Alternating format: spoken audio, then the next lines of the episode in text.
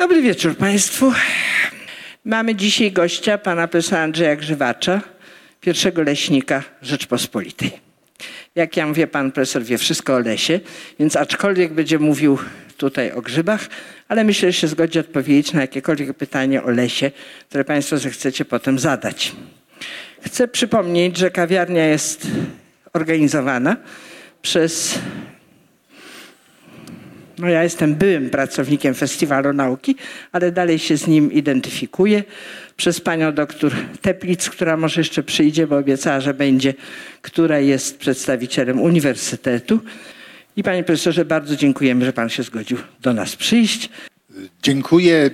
Oczywiście ten pierwszy leśnik Rzeczypospolitej, to ja rozumiem, jest taki pewna premia, ale tak naprawdę to Wydział Leśny SGGW. Proszę Państwa, różne rzeczy o grzybach, nie tylko o grzybach jadalnych, ale ja będę siedział, bo będzie mi tu wygodnie e, pokazywać. Proszę Państwa, na takie bardzo proste pytanie. Ile jest gatunków grzybów? Nie ma niestety prostej odpowiedzi. To jest jedna ze słabiej rozpoznanych grup organizmów. Kiedyś tam jak dobrze liczę, 70 lat temu dwóch wybitnych brytyjskich mykologów, Bisbee i Ainsworth, no, zaczęli zastanawiać się, ile to teoretycznie, potencjalnie, w ogóle może być grzybów na świecie. Bo wydawało im się dosyć dziwne, że w Wielkiej Brytanii jest więcej grzybów niż z Indii. Indie są 11 razy większe, większe zróżnicowanie stref klimatycznych, ale się okazało, że po prostu w Wielkiej Brytanii są znacznie lepiej zbadane a nie dlatego, że jest ich naprawdę więcej. I proszę Państwa, no tak na okrągło uznali 100 tysięcy gatunków. Wtedy się wydawało to wielkość gigantyczna. Proszę popatrzeć, ja tego szczegółowo nie będę omawiał.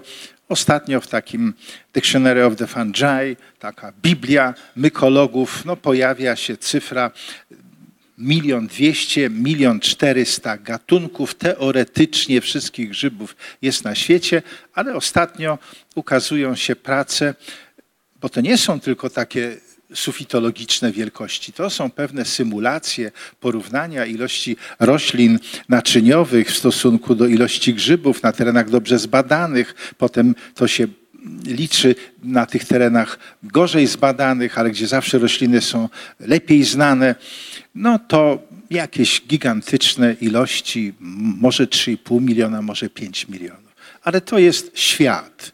Nas to, że tak powiem, mało interesuje. Ogromna różnica jest między tą teoretyczną ilością, a tą ilością opisaną. I tutaj też proszę popatrzeć, jak wzrasta ta ilość. I według internetowego indeksu Fungorum. No, niedawno zerknęłem 487 tysięcy. 5 milionów, a 487 tysięcy. Oczywiście to też jest wielkość taka wymagająca pewnego komentarza to są z wszystkimi synonimami, z wszystkimi formami konidialnymi. Jak Państwo wiedzą, grzyby się rozmnażają płciowo, bezpłciowo, bezpłciowo, konidialnie, anamorfa. Czasami może być kilka form. Także to jest nieprawdopodobny bałagan w tym wszystkim. Co to znaczy synonimy.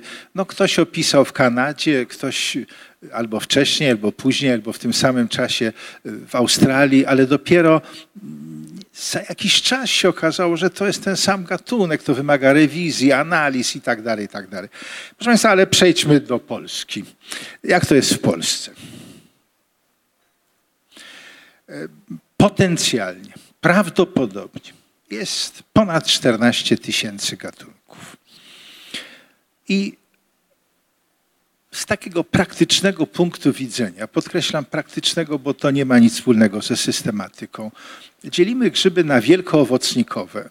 Słowo wielko jest tutaj przesadzone straszliwie, bo to wszystko, co jest widoczne gołym okiem, 4-5 mm, to już są grzyby wielkoowocnikowe. Oczywiście my widzimy grzyby kapeluszowe, chuby, to są wielkoowocnikowe, ale te takie maciopkę, jak moja wnuczka mówi, no też do nich się zaliczają. Potem jest 8 tysięcy grzybów mikroskopijnych, te znane wszystkie pędzlaki, kropidlaki, szare pleśnie i tak dalej, drożdże. To jest 8 tysięcy. Y, jakieś 1900 potencjalnie jest porostów, łącznie z grzybami naporostowymi. Y, proszę Państwa, dawniej tak nie bardzo było wiadomo, Państwo pamiętacie ze szkoły, ze studiów, y, no porosty, symbioza dwóch organizmów, ale one się rozmnażają tak jak grzyby. Wobec tego już dzisiaj grzyby.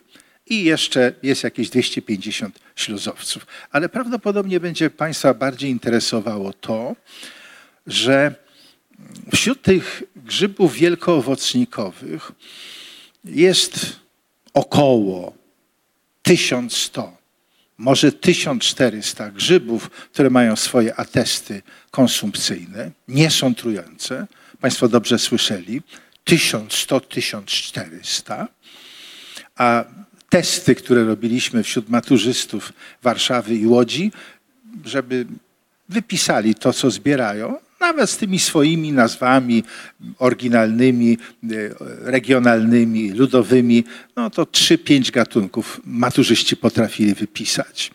Oczywiście są tacy ludzie, którzy zbierają 40 gatunków, a proszę mnie źle nie zrozumieć, ale takie ptaki dziwaki, które naprawdę znakomicie się znają, około 60 gatunków zbierają nawet do celów konsumpcyjnych. Grzybów trujących jest około 250 gatunków w Polsce. Takie, które nigdy nie były przedmiotem zatrucia. Od 1919 Sanepid Poznański specjalizuje się w zatruciach grzybami i zarejestrowanych grzybów, które kiedykolwiek były przedmiotem zatrucia, proszę zwrócić uwagę, język polski jest bardzo precyzyjny, nie otrucia, a zatrucia, nawet jakieś drobne, gastryczne niedyspozycje, to 40 kilka gatunków jest zarejestrowanych, ale uważamy, że 250 ma właściwości toksyczne. Wśród tych także grzyby halucynogenne, o czym za chwilę będę mówił. Proszę Państwa, grzyby do niedawna były traktowane jako rośliny. No, czasami rośliny niższe, rośliny zarodnikowe. No, Arystoteles podzielił świat na dwie części. To, co się ruszało, ja oczywiście upraszczam, to były zwierzęta, a to, co się nie ruszało, były rośliny. No, sprawa była prosta. Grzyby się nie ruszały, to były rośliny. Od jakieś dopiero 40 lat grzyby mają rangę systematyczną, siostrzaną, równą zwierzętom i równą roślinom. To jest i dlatego proszę zwrócić uwagę, na przykład w takiej ustawie o ochronie przyrody, tam zawsze tak długo prawnicy się denerwują. Ochrona roślin, zwierząt i grzybów. Roślin, zwierząt i grzybów, bo to jest oddzielna, bardzo duża, bardzo liczna grupa. Proszę Państwa, cztery formy są takiego sposobu życia grzybów. No ja przypominam na razie, żeby dojść do takich troszeczkę bardziej złożonych spraw. No większość grzybów to są saprotrofy, saproby, roztocza. Kiedyś mówiliśmy, Państwo też pamiętacie, saprofity, ale ponieważ fit to to jest roślina, a grzyb nie jest rośliną, to to jest jakby takie trochę przestarzałe powiedzenie. No nie jest błędne, ale, ale nie używamy. Około 60-70% grzybów w Polsce to są takie, które rozkładają substancję organiczną. Rośliny produkują, zwierzęta i my konsumujemy, a grzyby redukują. Są równie ważne.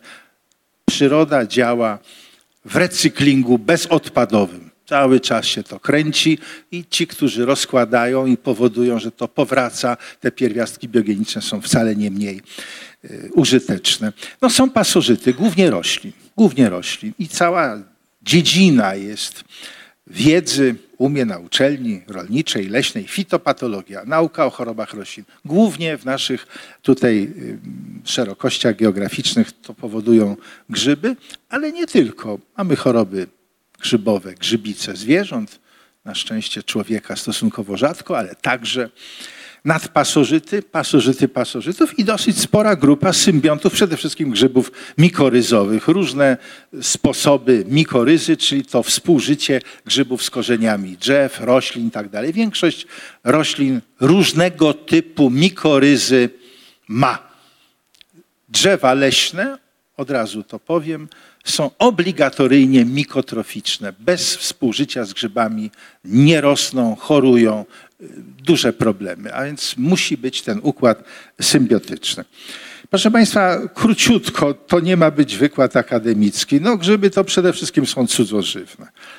Y, Tlenowce, a więc głęboko w glebie nie występują. Czasami tak słyszę, że, że, że korzeń to tam z 8 metrów takiej sosny pobiera wodę, że tam te grzyby to mikoryzę tworzą. Nie. Ten korzeń nawet i więcej ma metrów, ale po prostu utrzymuje to drzewo. Ta funkcja mechaniczna, a wszystko to, co się dzieje, to jest na głębokości do 25 centymetrów. Między innymi z powodu tlenowego życia grzybów. No jest pewna grupa beztlenowców, bardzo interesująca, drożdże, a cała fermentacja alkoholowa i wszystkie inne zastosowania drożdży, no to są, to są beztlenowce. Proszę Państwa, chityna, acetyloglukosamina, czyli ten zwierzęcy budulec ścian komórkowych. Zwierzęcy. Glikogen, tłuszcze. Główne składniki zapasowe grzybów. Znowu tak jak u nas, znowu tak jak u zwierząt.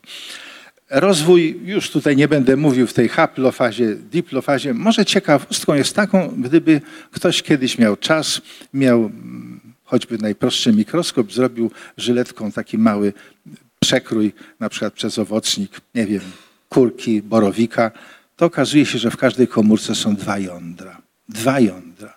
A więc okres czasu między zlaniem się plazmi dwóch sąsiednich szczępek, a kopulacją jądrą jest, jąder jest całe życie. Grzyby są dikariotyczne, dwujądrowe. Mówiąc tak troszeczkę żartobliwie, nie wiem, wielki tydzień, czy wolno mi taki żart robić, długo się rozmnażają całe życie ten okres, że tak powiem. Oczywiście to jest takie trochę naciągane, ale, ale grzyby są dikariotyczne, dwa jądra w komórce. Y, nie ma u innych grup organizmów pleomorfizm to jest to, że grzyby mają stadium doskonałe, płciowe, kilka stadiów niedoskonałych, konidialnych, ponieważ na podstawie budowy anatomicznej, morfologicznej jest systematyka grzybów. To się okazuje, że jest, no, mówiąc takim językiem trochę dziennikarskim, no straszny bagan w tych grzybach.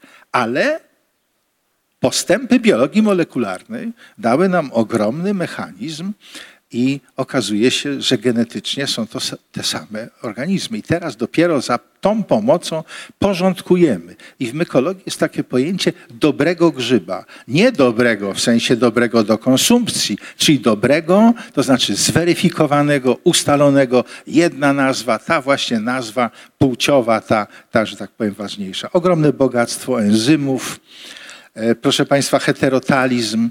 Żadnemu Morganowi czy Mendlowi się nie śniło, że ktoś się może rozmnażać na jakby cztery, sześć czy osiem płci. Płci w cudzysłowie. Zawsze mamy albo plus, albo minus, albo osobnik męski, żeński, a taka popularna opieńka, którą się zbiera w lesie, to ma osiem typów kojarzeniowych.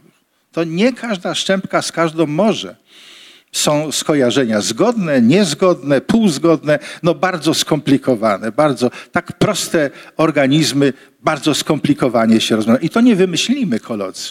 To genetycy.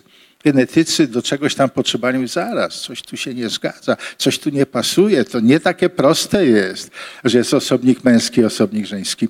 Trawienie jest zawsze zewnętrzne u wszystkich grzybów. Enzymy na zewnątrz, rozkładane są substancje i dopiero te prostsze substancje drogą osmozy do środka. Stąd Państwo rozumieją, że żeby było grzybów w brud, musi być deszcz. Musi być mokro, musi być wilgotno, inaczej ten proces trawienia nie następuje. Ogromna plastyczność, ogromna plastyczność. U nas w zakładzie mamy taki, powiedzmy, Botrytis cinerea, szara pleśń, ta, która występuje na truskawkach, na, na, na sałacie, na kwiatach, na wielu różnych organizmach takie, które są niezwykle wrażliwe na stary taki systemiczny preparat Benlate i takie, które na Benlate rosną. Także plastyczność jest ogromna, bardzo szybko y, następuje tutaj przystosowanie. Proszę Państwa, no w sensie takim systematycznym, ja już kończę tą część taką teoretyczną, to grzyby dzielimy jakby na takie trzy grupy, na takie trzy królestwa, podkrólestwa. To są pierwotniaki. I Państwo powiedzą, no pierwotniaki, dlaczego grzyby? Uczyliśmy się wszyscy o pantofelku jako takim przykładzie, że ma pewne cechy zwierzęce i pewne cechy roślinne. Ale dla uproszczenia już nasi nauczyciele w liceum nie mówią, że są takie, które mają cechy grzybowe. Żeby już tutaj nie zawracać dzieciom w głowie. I część tych pierwotniaków, tych protozoa, mających cechy grzybowe, no zaliczane jest do mykoprotoktista i niektóre dawniej rzędy czy gromady tych pierwotniaków były zaliczane do grzybów. I to jest problem mykologów, czy to grzyby, czy to już nie grzyby, czy jeszcze grzyby. W każdym razie jest taka grupa. Ona w Polsce stanowi około 1% gatunków. Słabo rozpoznane, stosunkowo rzadkie. Mamy chromista, taką grupę. Nawet nie ma dobrej polskiej nazwy na, na te chromisty. To są, proszę Państwa, niektóre glony, okrzemki, brunatnice, ale spora grupa takich grzybopływek, takich organizmów grzybopodobnych, między innymi chorobotwórcze lęgniowce, które powodują na przykład y, mączniaka rzekomego ogórka, wiele innych chorób i całe lata się uważało je za grzyby. No, nie mają ściany komórkowej zbudowanej z chityny i tak dalej. To szczegóły. I to, co my uważamy za grzyby, no to te grzyby właściwe, fungi, 98% wszystkich gatunków, mają tam odpowiednie gromady, rzędy, etc. Żeby tak zacząć teraz konkretne rzeczy. Proszę Państwa, grzyby są chorobotwórczymi organizmami i tak dla przykładu, konkretnie, w lasach, naszych polskich lasach państwowych, co roku mniej więcej 300 do 500 tysięcy hektarów jest w stopniu groźnym porażone przez grzyby. Robi się różne zabiegi, opryski, nie tak dużo, głównie w szkółkach, ewentualnie w młodnikach, w starszych drzewostanach. Czyli można powiedzieć, że około 6-7% polskich drzewostanów, lasów państwowych co roku choruje z powodu chorób grzybowych. Ale kiedy są małe siewki, małe sadzonki w szkółce, to ten procent już jest 20-25%. One nie są tak odporne. I te 600-700 hektarów rocznie szkółek podlega różnym zabiegom przeciwko chorobotwórczym grzybom. Czyli w takiej sobie zwyczajnej, przeciętnej szkółce, a leśnictwa mają taką szkółkę, tam 3 hektary, 4 hektary, zawsze jest co najmniej kilkadziesiąt, kilkaset gatunków grzybów mikroskopijnych żyjących w glebie i to w różnych miejscach, takie, które są ryzosferowe, czyli żyją blisko korzenia i odżywiają się tymi substancjami, które korzeń wydziela, wydala. Są takie w planosferze kilkaset gatunków grzybów w jednej szkółce kilkanaście, kilkadziesiąt gatunków, które powodują choroby, siewek, sadzonek. Jest kilkanaście gatunków grzybów mikoryzowych. My tam rzadko widzimy w szkółce leśnej owocniki tych grzybów, tam tych podgrzybków, maślaków i tak dalej, i tak dalej. One tam są, one wspomagają. One gdzieś około y, trzeciego, czwartego tygodnia życia małej sieweczki zaczyna się tam y, ta infekcja mikoryzowa. No mamy troszeczkę takich grzybów tworzących mikoryzę arbuskularną, taką wewnętrzną i zupełnie nieznana ilość grzybów, które żyją wewnątrz małych siewek czy sadzonek bezobjawowo, tak zwanych endofitycznych. My do dzisiaj nie wiemy, co one tam robią. To jest cały świat zupełnie nieznany grzybów, które rosną u drzewa pod korą, w liściu, w korzeniu. Nie są chorobotwórcze, ale są, funkcjonują. Takie trochę komensale. To jest nowy świat, coraz większy. Później czasami się okazuje, że niektóre z nich są przydatne. Czyli, czyli ta nasza wiedza, czy wiedza nawet dobrego leśnika, szkółkarza, co on tam ma u siebie w tej szkółce? Już tylko mówimy o grzybach, nie mówimy o organizmach. No, to, to jest skromna, jest bardzo skromna. Grzyby są słabo rozpoznane. Proszę Państwa, wielkość grzybów. No to Nature podało ileś tam lat temu, że oto satelit, zrobiono fotografię i się okazuje, że są gigantycznych rozmiarów opieńczyska. Takie właśnie 800 hektarów, długości 5-6 kilometrów. To jest nic innego, tylko pod ziemią do głębokości 90 centymetrów bardzo ogromna ilość splątanej grzybni, sznurów grzybowych, tak zwanych rizomorf i y, za pomocą biologii molekularnej stwierdzono, że to jest jeden organizm. Jeden organizm, który powstał od jednego zarodnika. Ja myślę, że mniejszych rozmiarów takiego piętrzyska są. Żeby to sobie uświadomić, to w takim przeciętnym lesie, przepraszam, ja to zwykle do młodzieży mówię, y, pod stopą ludzką, pod powierzchnią stopy ludzkiej jest około 200 kilometrów szczępek grzybów w lesie.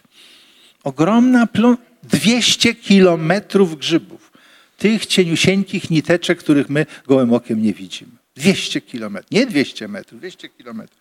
A więc proszę Państwa, no, gigantycznych wymiarów to jest rzecz i to jest taki szacunek, gdyby to udało się wyjąć, tego się nie uda wyjąć, ale żeby tu była sprawa jasna, to państwo o tym myślą. O tych owocnikach, znanych wszystkim tym, którzy do lasu chodzą. To jest ta sama opieńka, opieńka ciemna, almiraria ostoje.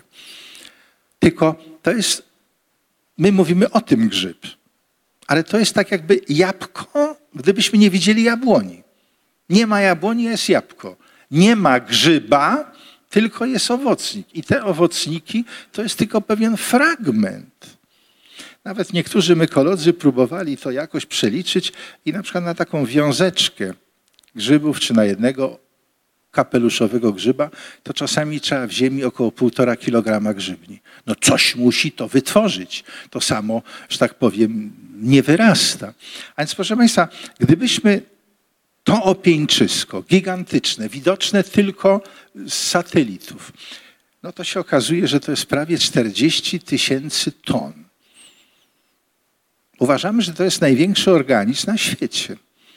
Jak ja bym komuś tak powiedział w autobusie, że grzyb jest największym organizmem, to niewiele osób by chciało uwierzyć. Proszę popatrzeć, do tej pory uważaliśmy, że mamutowiec olbrzymi. To są największe organizmy, takie żyjące w Kalifornii, w Sierra Nevada, w Stanach Zjednoczonych, niektóre 6 tysięcy ton. Ja kiedyś na wykładzie mówiłem 6 tysięcy ton, a taki grzeczny student słuchający na przerwie, kulturalny, podszedł i mówi, panie profesorze, ale pan się rąbnął. To pewnie 6 ton. Nie, 6 tysięcy ton takie drzewo. I mamy takiego generała Granta, tam wszystkie mają swoje nazwy, generał Sherman, tam taki, inny. No 81 metrów wysokości, 40 metrów obwodu, łączna masa 5,5 tony, tam tyle drewno, tyle korzenie, tyle kora i tak dalej, i tak dalej. To jest największy organizm. Jakby się ludzi pytać, to część osób, o to są te mamutowce olbrzymie, największe drzewa, największe organizmy.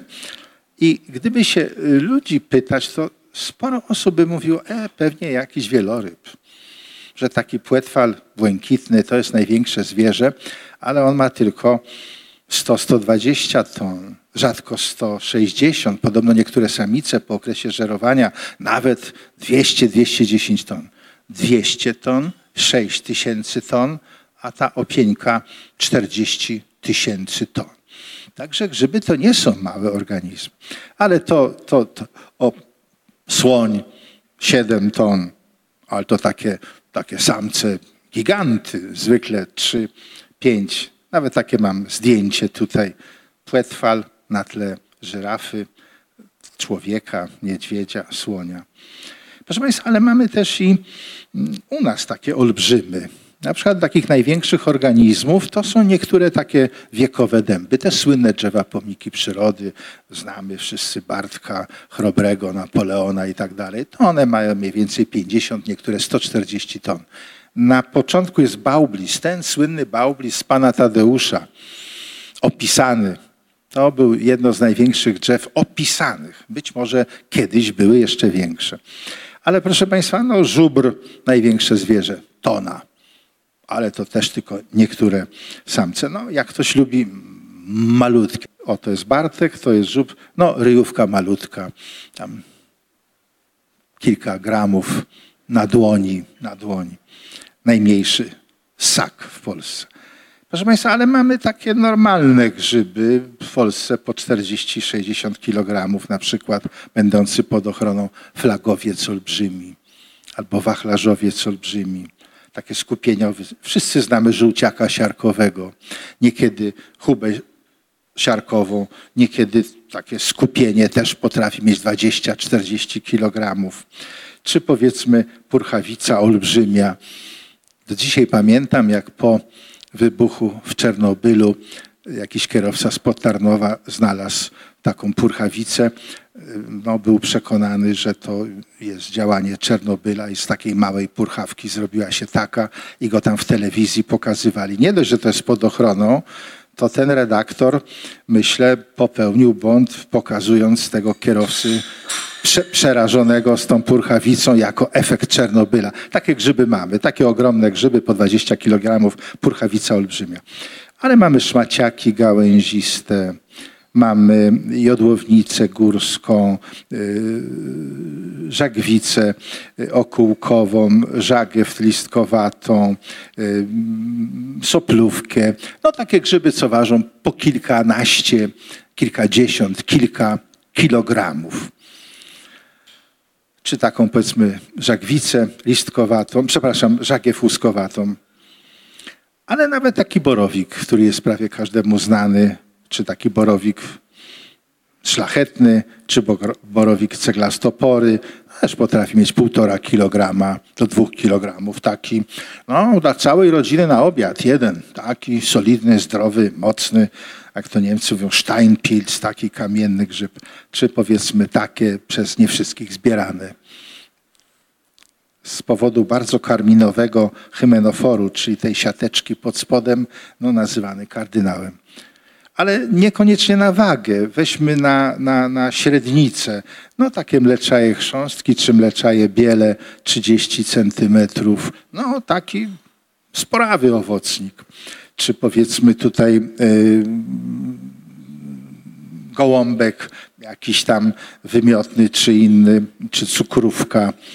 Y, no, nieraz regionalnie y, te kanie, sowy różnie się nazywają, nazywane są parasolnikami, bo to takie 40 cm, taki malutki parasolik potrafi czasami być. Ale proszę Państwa, mamy grzyby kapeluszowe malutkie te wszystkie twardzioszki, grzybowki, grzybówki, szyszkówki, kołpaczki, łysiczki, dżonkówki, one mają kapelusz czasami kilku milimetrów, trzon grubości jednego milimetra. O, takie.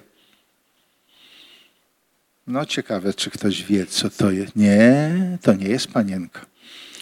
To jest coś znacznie gorszego. Panienkę można zebrać i dobra zupa grzybowa. To jest łysiczka lancetowata jedyny ze zbieranych grzybów halucynogennych w Polsce. Jak będzie ktoś się chciał potem zapytać, to o nim coś powiemy. To jest łysiczka lancetowata. Taki niewyględny grzybek, niczym się tam specjalnie nie wyróżniający, ale podobno odloty są dość ciekawe. Takie malutkie grzybki, takie. I, i to, proszę zwrócić, to jest normalnie grzyb wielkoowocnikowy no, na tle liścia bukowego czy jakiegoś tam nasionka. A więc no, zróżnicowanie wielkości grzybów wbrew pozorom są ogromne. Od, no ale te wszystkie grzyby pleśniowe, te, te kropidlaki, pędzlaki, penicillium, aspergillus i tak dalej, no to są, to, są, to są niewielkie, czy powiedzmy oddzielna komórka drożdży samodzielnie się rozmnaża, samodzielnie się odżywia, a to jest tylko kilka, kilkanaście mikronów. Czyli proszę Państwa, świat grzybów wbrew pozorom jest światem co do wielkości bardzo zróżnicowanym. Wbrew pozorom i wbrew takim powszechnym wyobrażeniom. Od kiedy zbieramy grzyby? Przechodzimy do części już takiej kulinarnej. Proszę Państwa, prawdopodobnie e, prasłowianie, Słowianie, wykonując tą swoją wędrówkę ludów, podpatrywali zwierzęta i są zwierzęta, które normalnie grzyby konsumują. Jedzą określone gatunki, nie mam zielonego pojęcia, jakie rozpoznają. To nie tak, że tam zje co popadnie. Ja nawet mogę Państwu powiedzieć, że E, Na moim wydziale była kiedyś habilitacja, bardzo dobra, o grzybach i ci, którzy na uczelniach bywają, wiedzą, że nieraz na takich obronach doktoratów habilitacji jest dziesiątki pytań, aż za dużo, a czasami jest taki dzień, nie wiem, ciśnienie, temat, no nie ma pytań. No nie ma pytań i do tego habilitanta nie ma pytań, no, no nie może się kolokwium odbyć. Ja tak troszeczkę, żeby rozruszać, troszkę tak z żartów, mówię do niego, panie doktorze, a, a wilki to grzyby jedzą? A on ku mojemu zdumieniu określił dokładnie gatunki, sześć gatunków, prawdopodobnie w celach takich leczniczych, obserwacje w Białowieży, tu, tam, jakie gatunki. Więc zwierzęta jedzą. Takim strasznie grzybożernym zwierzęciem jest wiewiórka, która sobie grzyby suszy, chowa na zimę w dziuplach, ale i inne, i inne. Nie ma tu czasu. I proszę Państwa, prawdopodobnie człowiek obserwując, też metodą takich prób i błędów, no, zaczął tam powolutku, delikatnie no, zbierać, próbować. No, przecież nie było laboratoriów chemicznych, testów toksykologicznych i tak dalej. Pierwszy tekst, podkreślam tekst, który mówi o zbieraniu grzybów, jest związany ze świętym Wojciechem. Jest kilka pasji o śmierci świętego Wojciecha i to jest taka pasja Stegern Zi Saksonii, tam znaleziona w klasztorze benedyktynów, 1004 rok, dokładnie datowana i tam jest taki tekst między innymi. A kiedy zaczęli nieszporne oficjum, on oddalił się nieco od nich i chodząc tu i tam po leśnych polanach, tyle przyniósł smacznych grzybów i ziół, że wszyscy mogli cieszyć się obfitością rozmajonego posiłku. I to było w przeddzień jego męczeńskiej śmierci. Data jest precyzyjna. Tu nie jest tylko kwestia 997 roku. Jest 23 kwietnia jak są Wojciechowie na sali, to wiedzą, że są wtedy imieniny na cześć świętego Wojciecha. Powstaje pytanie, czy to jest licencja poetyka, czy nie? Nawet gdyby była licencja poetyka, ktoś, kto to pisał, no tak troszkę tam ubarwił, to już byłby sygnał, że jednak grzyby zbierano. Ale to nie jest licencja poetyka. To jest fakt. I dlatego teraz, w kwietniu, na wiosnę mówimy idziemy na grzyby. Są grzyby wiosenne, smarce, pieszczenice, wiele innych gatunków i prawdopodobnie święty Wojciech nazbierał sporo smardzy. One są bardzo takie aromatyczne, bardzo dobre i się wtedy jadało krojąc na pół, kładąc na ognisko, jakbyśmy to dzisiaj powiedzieli, takie grillowane bez tłuszczu. I to się jadło. Także jest możliwy, że ten tekst jest tekstem autentycznym, ale nie dojdziemy, jak to było, chociaż oni w trójkę szli, brat przyrodni jego i taki, jakbyśmy to dzisiaj powiedzieli, brat zakonny, także oni żyli, więc mogli tam opowiadać, jak to tam było, jak to wyglądało i tak dalej. A więc, proszę Państwa, tysiąc lat mamy dowód, że Słowianie grzyby zbierają, jedzą. A są całe kraje, które nie zbierają, nie jedzą. I Państwo wiedzą, że anglosasi, y, Skandynawowie grzybów, my jesteśmy grzybojadami. Tak jak się czasami mówi pogardliwie o Francuzach, żabojady, to my Słowianie jesteśmy grzybojady. Proszę Państwa, y, czy kiedyś się coś na ten temat mówiło? Te najstarsze dane, a więc statut wiślicki, yy, statut warcki, Jagieły, nie mówi nic na ten temat, bo wtedy las był dobrem wolnym. Co to znaczy dobrowolne? No tak jak dzisiaj dóbr wolnych nie jest za dużo. No możemy oddychać. Jeszcze nie jesteśmy opodatkowani no możemy, no chociaż w niektórych miejscowościach klimatycznych trzeba zapłacić taksę podatkową, ale klimatyczną, no możemy się napić, nie wiem, bezpłatnie wody z Wisły, ale już niewiele jest tych dóbr wolnych. Ale proszę Państwa, wtedy las był dobrem wolnym, co było zrozumiałe. Niewiele osób u zarania państwowości podobno żyło na tych terenach, które dzisiaj się nazywają Polską, około 300 tysięcy osób. Strzelam, tak, tak, tak mówią archeologowie czy, czy historycy wczesnego średniowiecza. No więc no nie było mm, restauracji, nie było McDonaldów. No jak się jechał człowiek przez las długo, no złamał się dyszel, no trzeba było coś wyciąć. Trzeba było drewno porąbać na ognisko, odstraszyć zwierzęta, trzeba było odstrzelić jakieś zwierzę. To długo było. Długo las był dobrem wolnym. On tam do kogoś należał, ale nie było. Więc wobec tego nie ma tam żadnych elementów, co dotyczących zbiorów płodów runa leśnego. Oczywiście były tam zakazy, feudalne, e, różne, różne ograniczenia. Proszę Państwa, pierwszy raz się spotykamy w takim e, ustawie knyszyńskiej króla Zygmunta III Augusta, który tam mówi, że poddani mogą zbierać suche drewno, e, ale za to ale za to, że będą mogli zbierać, to z każdej włóki grosz litewski, a z dziesięciu włók osiadłych owsa beczkę i cztery korce krakowskie trzeba dać, ale to jest ciekawe zdanie, ale ma być wolno poddanym za to brać drwa do opalania suche i leżące z puszczy króla jego mości, temu grzyby zbierać, rydze, bedułki, snitkie, orzechy, barszcz, a panowie leśniczowie mają przestrzegać, aby słudzy ich i osacznicy żadnej ciężkości i wymysłów nad ubogimi ludźmi króla nie działali. Żeby tam, broń Boże, nie pobierali jakichś opłat, wolno zbierać. Y, to wymaga małego komentarza. Grzyby zbierać, grzyby, słowo grzyb dotyczyło tylko borowików. Grzyb to był borowik. W niektórych regionach kraju jeszcze dzisiaj się mówi, a no zebrałem tam 20 grzybów borowików. Rydze, bedułki, to wszystkie te grzyby, które mają hymenofor blaszkowy, te blaszkowe.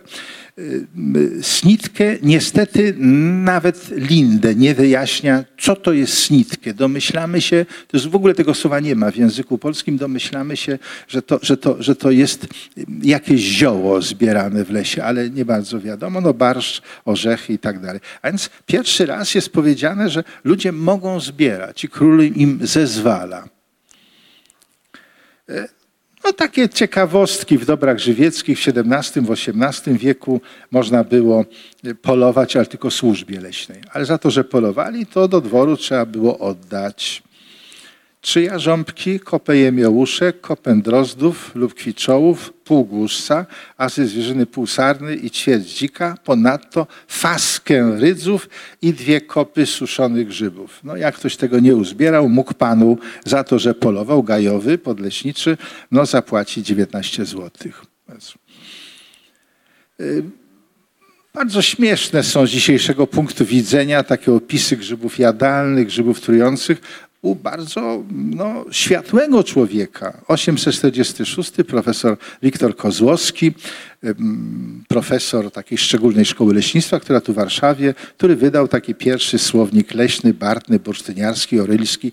No i tak, tak, no, no, no nie chcę tu tego czytać, bo nie ma czasu. No grzyby trujące, y, to, to, których zbierać nie wypada, mają smak ostry, cierpki, palący lub obrzydliwy, woń stęchłą, obmierzłą, podobno do zapachu pleśni, a wejrzenie okazuje się, y, z wejrzenia okazują się jaskrawe, podejrzane i tak dalej. Takie no, dosyć naiwne z dzisiejszego punktu widzenia, że to można było tak na oko, jak grzyb był sympatyczny i ładnie wyglądał, to on był jadalny, jak był taki niesympatyczny, to on był trujący. No, no, okazuje się, że no, jakieś 150 lat tak, tak uważano, tak po prostu uważano.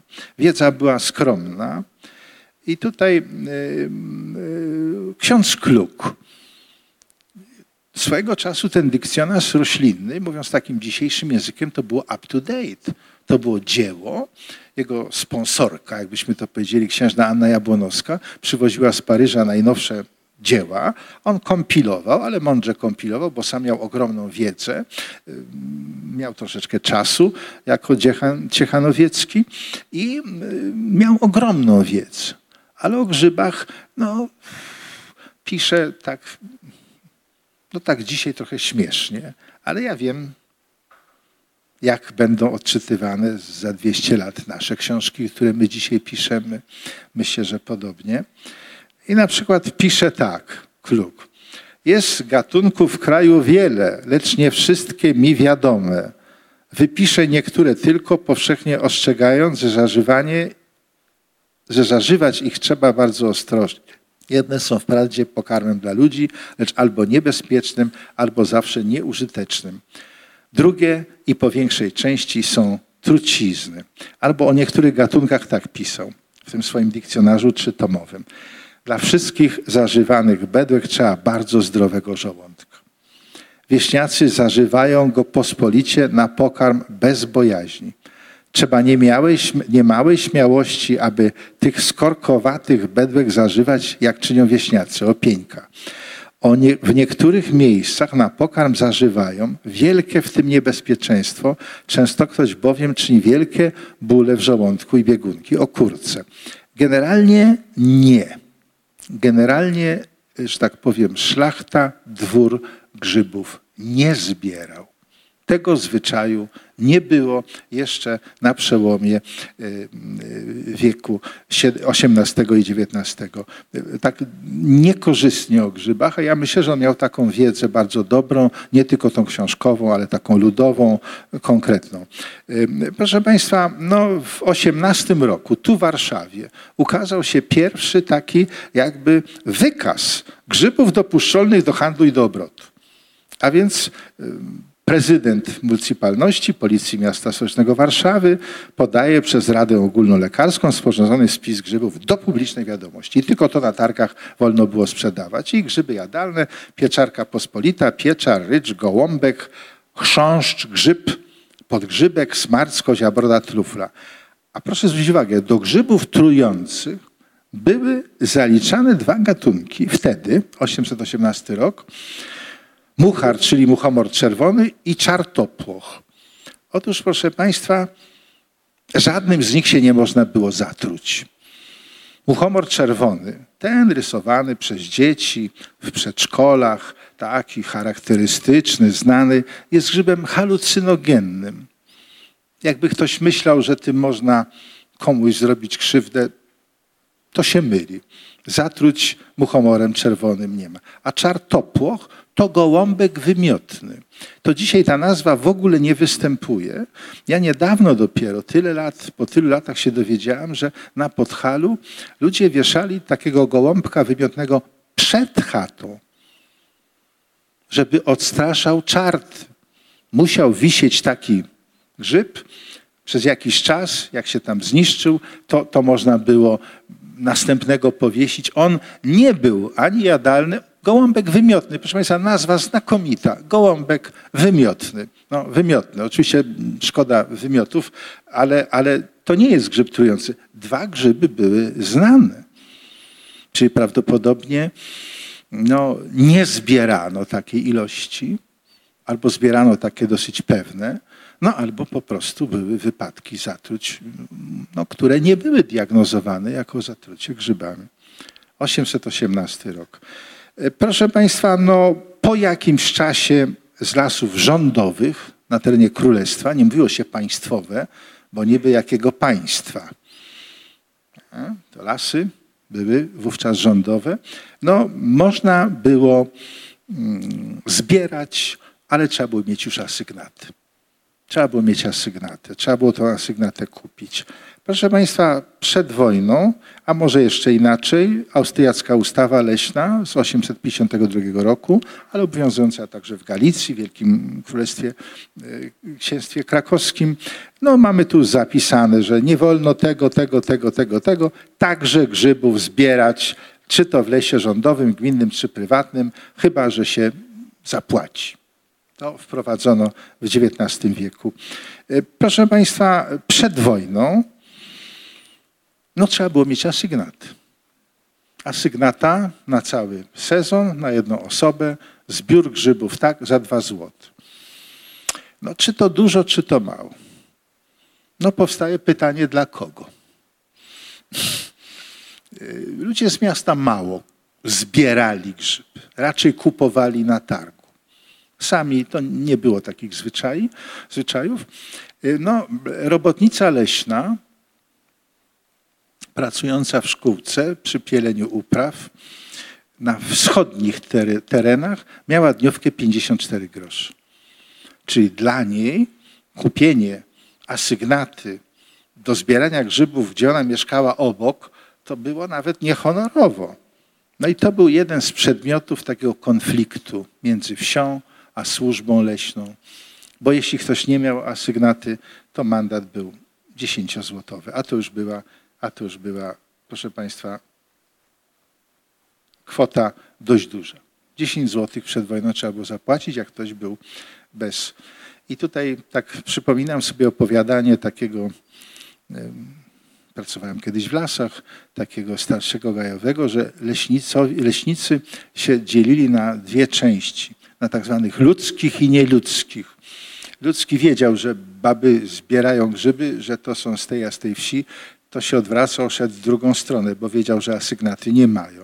A nie ludzki czekał, aż nazbierają, podchodził, kazał wysypać, podeptał, a, a, a, ten najgorszy jeszcze 10 zł kazał zapłacić. A więc to, to był taki konflikt. Proszę Państwa, obecnie, obecnie nie ma żadnych opłat.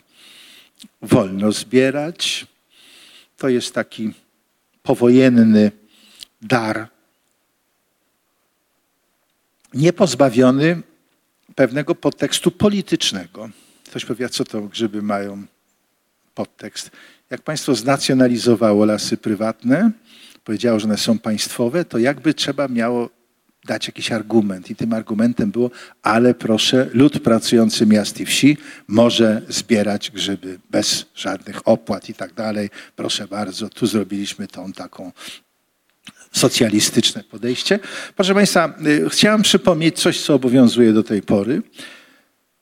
Nie zbieramy grzybów, mówi to ustawa o lasach, w uprawach do 4 metrów wysokości, tam gdzie są oznakowane powierzchnie doświadczalne, drzewostany nasienne, ostoje zwierząt, źródliska rzeki potoków i obszary zagrożone erozją. Czasami można się spotkać z zakazem wstępu do lasu. Też nie powinniśmy zbierać grzybów wtedy, kiedy jest ogromne zagrożenie przeciwpożarowe. Takie sytuacje bywają niekiedy w okresie jakiejś wielkiej suszy. Oczywiście no, większość osób tego nie przestrzega, a służby leśnej nie jest na tyle, żeby można było to egzekwować. Dwa są y, uregulowania. Na potrzeby własne zbieramy bez żadnego ograniczenia, a teoretycznie, jeżeli ktoś prowadzi skup grzybów, prowadzi eksport grzybów, to powinien zawrzeć umowę z nadleśnictwem, ale takich umów nie ma. Bo to tak nie bardzo wiadomo, no, ile, jak. No, jest to zapis nieczynny. A więc żadnych szczegółowych regulacji w zakresie e, zbioru grzybów, ochrony grzybiowisk w Polsce nie ma. Proszę Państwa, czy to jest taka rzecz zupełnie uboczna, zupełnie bez znaczenia, ten zbiór grzybów? Otóż zrobiliśmy taki szacunek. Podanych takich oczywiście nie mamy, ale on jest oparty na wielu obserwacjach. Krótko. Prawdopodobnie 30% zbiorów z tej listy grzybów, które są skupowane. A to jest tylko kilka gatunków. Ten asortyment jest bardzo wąski. Idzie na skup i na eksport 30%. 60% zbiorów jest na tak zwany użytek własny. Ludzie dla siebie zbierają, tam przy okazji są na, na wakacjach, na wczasach, traktują to jako pewną formę wypoczynku w lesie, jako rekreację, coś takiego. I proszę Państwa, 10% to prawdopodobnie jest ta sprzedaż przy drogach, przy targowiskach. Państwo wiedzą, jedzie się samochodem, gdzie jest kawał jakiegoś lasu pod dużym miastem. No nieraz stoi tam tych, tych ludzi ogromnie, czy tam jest popyt, trudno mi to powiedzieć. Proszę Państwa, wiemy, ile wynosi skup. GUS co roku to podaje, dość dokładnie. I na tej podstawie zostało to wyliczone, na podstawie skupu i na podstawie tych procentów i na podstawie ceny rynkowej kilograma grzybów. I okazuje się, ku naszemu ogromnemu zdumieniu, to, co ludzie wynoszą z lasu, to tutaj ostatnia ta cyferka na dole po prawej stronie, 740 milionów złotych. 740 milionów złotych co roku ludzie wynoszą z lasu. A wydawałoby się, no co to tam, no ktoś tam zebrał dwa kilogramy, ktoś trzy kilogramy, ale to są miliony osób. Miliony osób i to jest takie oczywiście wyliczenie szacunkowe, nie w jakichś super grzybnych latach, przeciętnie. Gdybyśmy do tego dodali jagody, jakieś inne owoce czy zioła, to to miliard złotych ludzie z lasu wynoszą. Jest to spora kwota. Pewnie tutaj Państwo nie mają takiej orientacji. Dochód lasów państwowych to jest bez kosztów, to jest około 7 miliardów rocznie. 7 miliardów. A więc miliard to jest zupełnie poza, że tak powiem, tym, tym rachunkiem. A więc to, to jest pewien serwitut, to jest pewna rzecz. I daj Boże, że ludzie mogą te grzyby zbierać. Ale proszę Państwa, jak tak policzymy na głowę, to się okazuje, że no, to, to, to nie więcej jak może 2-3 kilogramy grzybów na osobę. Oczywiście są tacy, którzy nigdy nie chodzą do lasu, nigdy grzybów nie zbierają.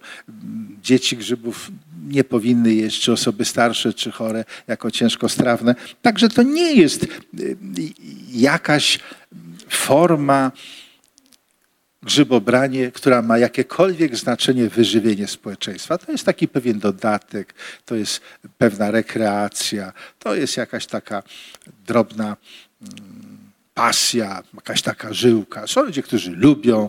No, Rosjanie to mówią, że to jest tak zwana trzecia pasja. Polowanie, wędkowanie i grzybobranie. Trzecia pasja. Nawet jest taka książka Trzecia pasja. Proszę Państwa, grzyby, jak wszystkie organizmy w Polsce, podlegają zagrożeniom. Niedawno obchodziliśmy 60. rocznicę pierwszej czerwonej listy UICN, Międzynarodowej Unii Ochrony Przyrody, oczywiście dotyczącą roślin.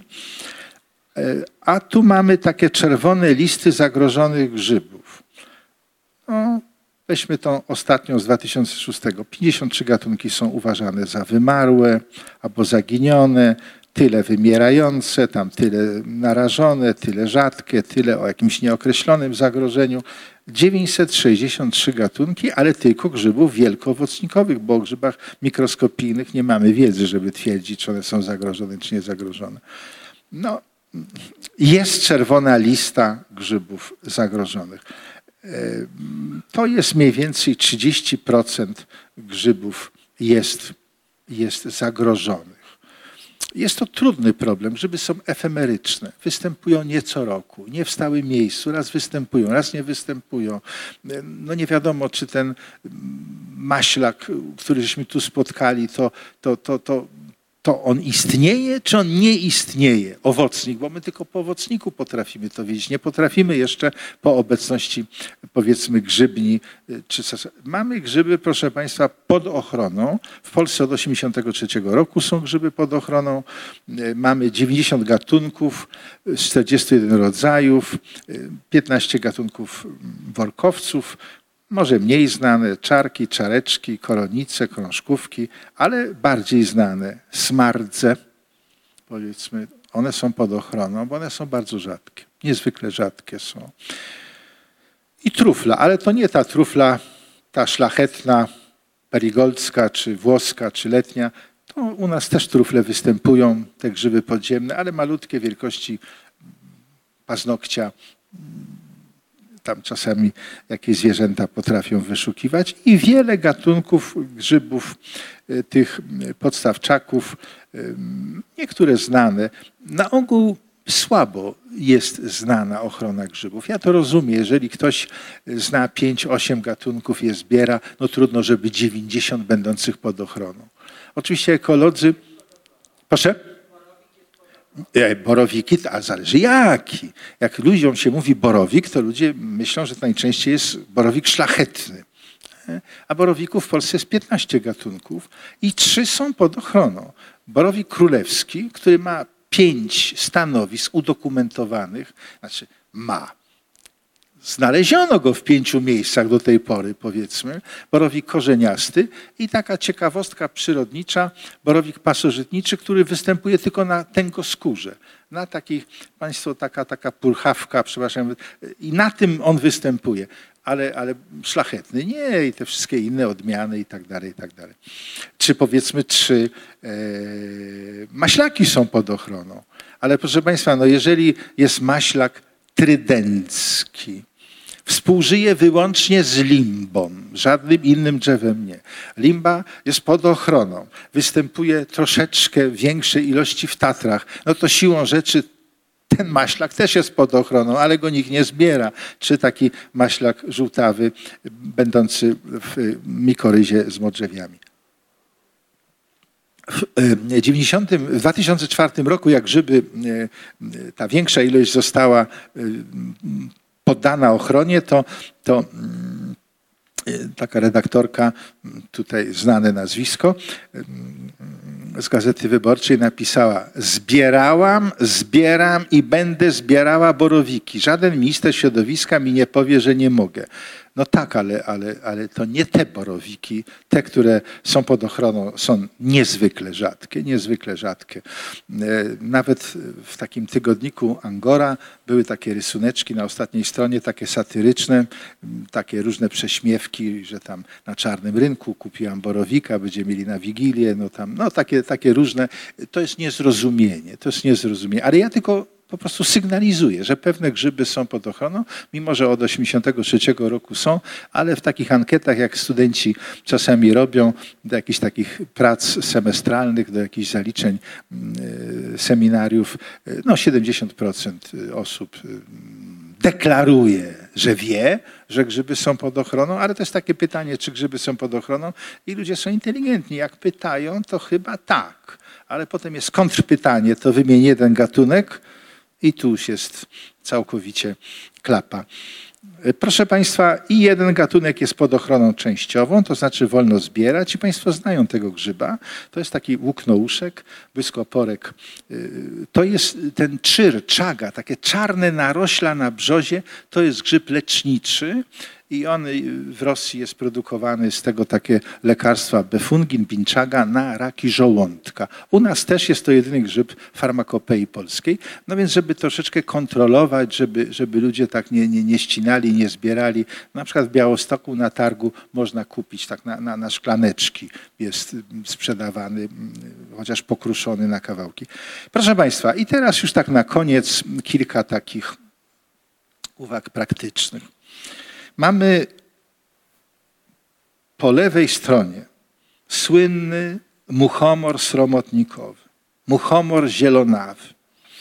Proszę Państwa, jedyny naprawdę śmiertelnie trujący grzyb. Jest to największa trucizna występująca w Polsce.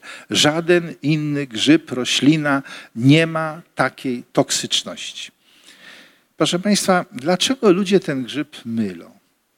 Gdzieś jest w głowach, że jak muchomor, to musi mieć łatki na kapeluszu. Oczywiście łatki są resztką tak zwanej osłony całkowitej i deszcz zmywa te łatki. I on na początku ma, nie ma tak regularnych jak muchomor czerwony czy inne muchomory. Tak wygląda.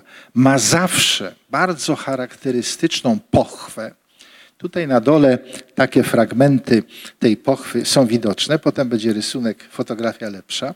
O taką pochwę i, i zgrubienie tego trzonu. Jest pierścień. Zmienny kolorystycznie jest ten grzyb. Pod wpływem kilku dni troszeczkę żółknie, blednie i ja nie wiem, jak można go pomylić na przykład z Kanią. No, no ale z drugiej strony czasami to mówię w ten sposób, jak często dosyć inteligentne osoby odczytane mają kłopot z odróżnieniem jodły od świerka, no to dlaczego mają odróżnić muchomora od powiedzmy y, y, gołąbków zielonawych, od gąski, zielonki, czy nawet od takiego. Na szczęście Teraz przechodzimy do takich rzeczy, które się nie powinno przed kolacją powiadać. Proszę Państwa, czasami ludzie nie potrafią powiedzieć w szpitalu. To jest grzyb niebezpieczny, bo pierwsze objawy są po dwóch dniach od zjedzenia. Ale tak zniszczone nerki, tak zniszczona wątroba, że czasami no po prostu jest śmierć. Dzisiaj już potrafią być przeszczepy. Państwo pamiętacie takie dramatyczne, telewizyjne o, o chłopcu, który tam zjadł, y, czekał na, na, na, na 30% objawów y, y, otrucia muchomorem sromotnikowym już dzisiaj medycyna potrafi dać sobie radę, bez przeszczepu. Powiedzmy. W każdym razie jest to niebezpieczne i po tych dwóch dniach, kiedy zaczynają się jakieś bóle, no lekarz mówi, no co pan jadł tam, tego. i ludzie nie potrafią powiedzieć. Na szczęście ma bardzo charakterystyczne zarodniki, które są w kale, w wymiocinach i zawsze w każdym dużym mieście przy szpitalu jest taka osoba, która jak bardzo potrzeba, to oznaczy, że to jest to, a nie co innego, na podstawie zarodników. Bardzo charakterystyczne zarodniki. Ale to trzeba z wymiocin, skału, y, że tak powiem, zrobić preparat. Proszę Państwa, y, no tak wygląda.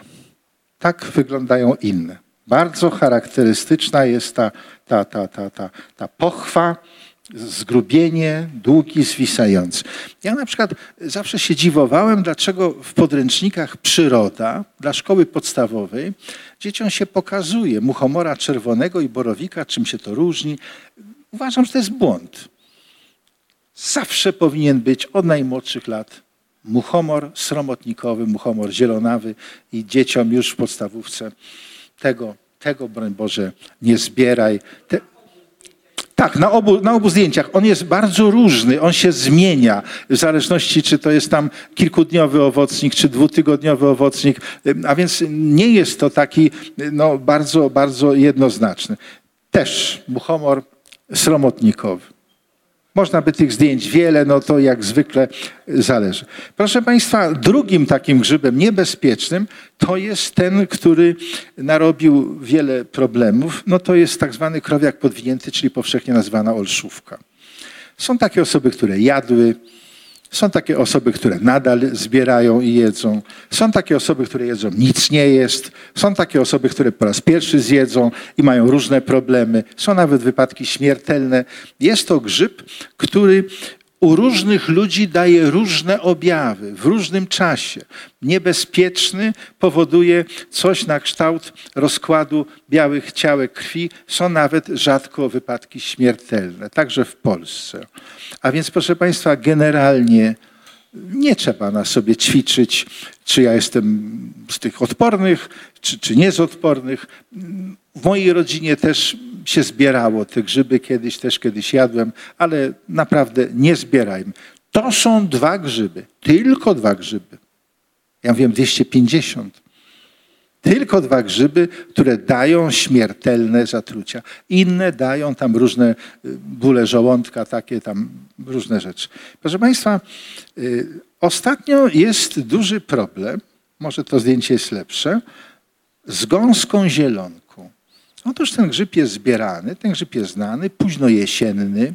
Czasami już tam prawie nic w lesie nie ma, ale całe kosze tych grzybów. Otóż są dane francuskie, które mówią, że ten grzyb podobnie działa, tylko w dłuższym okresie czasu jak ta olszówka. Że u niektórych osób, które jedzą więcej, bardziej wrażliwych, też mogą być pewne problemy. I obecnie, to, proszę zwrócić uwagę, jak to się wolno dzieje tu nie ma takich, takich badań jednoznacznych. I, i, i no, całe pokolenia jadły gąskę zielonkę, a teraz się okazuje, że jest to grzyb podejrzany i w większości naszych atlasów jeszcze nadal jako grzyb jadalny, dopuszczony do handlu, do obrotu i tak dalej, i tak. Proszę Państwa, wiosna. Idziemy na grzyby. Takie moje wystąpienie. Proszę Państwa, smaczne, znakomite, ale bardzo rzadkie będące pod ochroną smarce. Smarc jadalny, smarc stożkowaty i mylone ze smarcami piestrzenice, które kiedyś były jadalne, to są jedyne grzyby, o których się mówi, że jak się ugotuje i wyleje tą wodę albo osuszy, to nie są trujące. We Francji się nadal jada, Polska je eksportuje, u nas są to grzyby zdecydowanie trujące. Też teraz na wiosnę, też teraz w kwietniu. Niektórzy nazywają to babie uszy. A więc można grzyby zbierać w kwietniu, ale ale nie te. Ten jest trujący, a smarc jest pod ochroną i jest grzybem bardzo rzadkim. Proszę Państwa, takiego grzyba życzę wszystkim w tym sezonie. To jest zdjęcie z Meksyku, 20-kilogramowy grzyb, nawet nie wiem jaki gatunek, autentyczny, żaden fotomontaż i tak dalej. Yy, Meksykanie zbierają grzyby. Yy, No i takich borowików też życzę. Dziękuję za uwagę.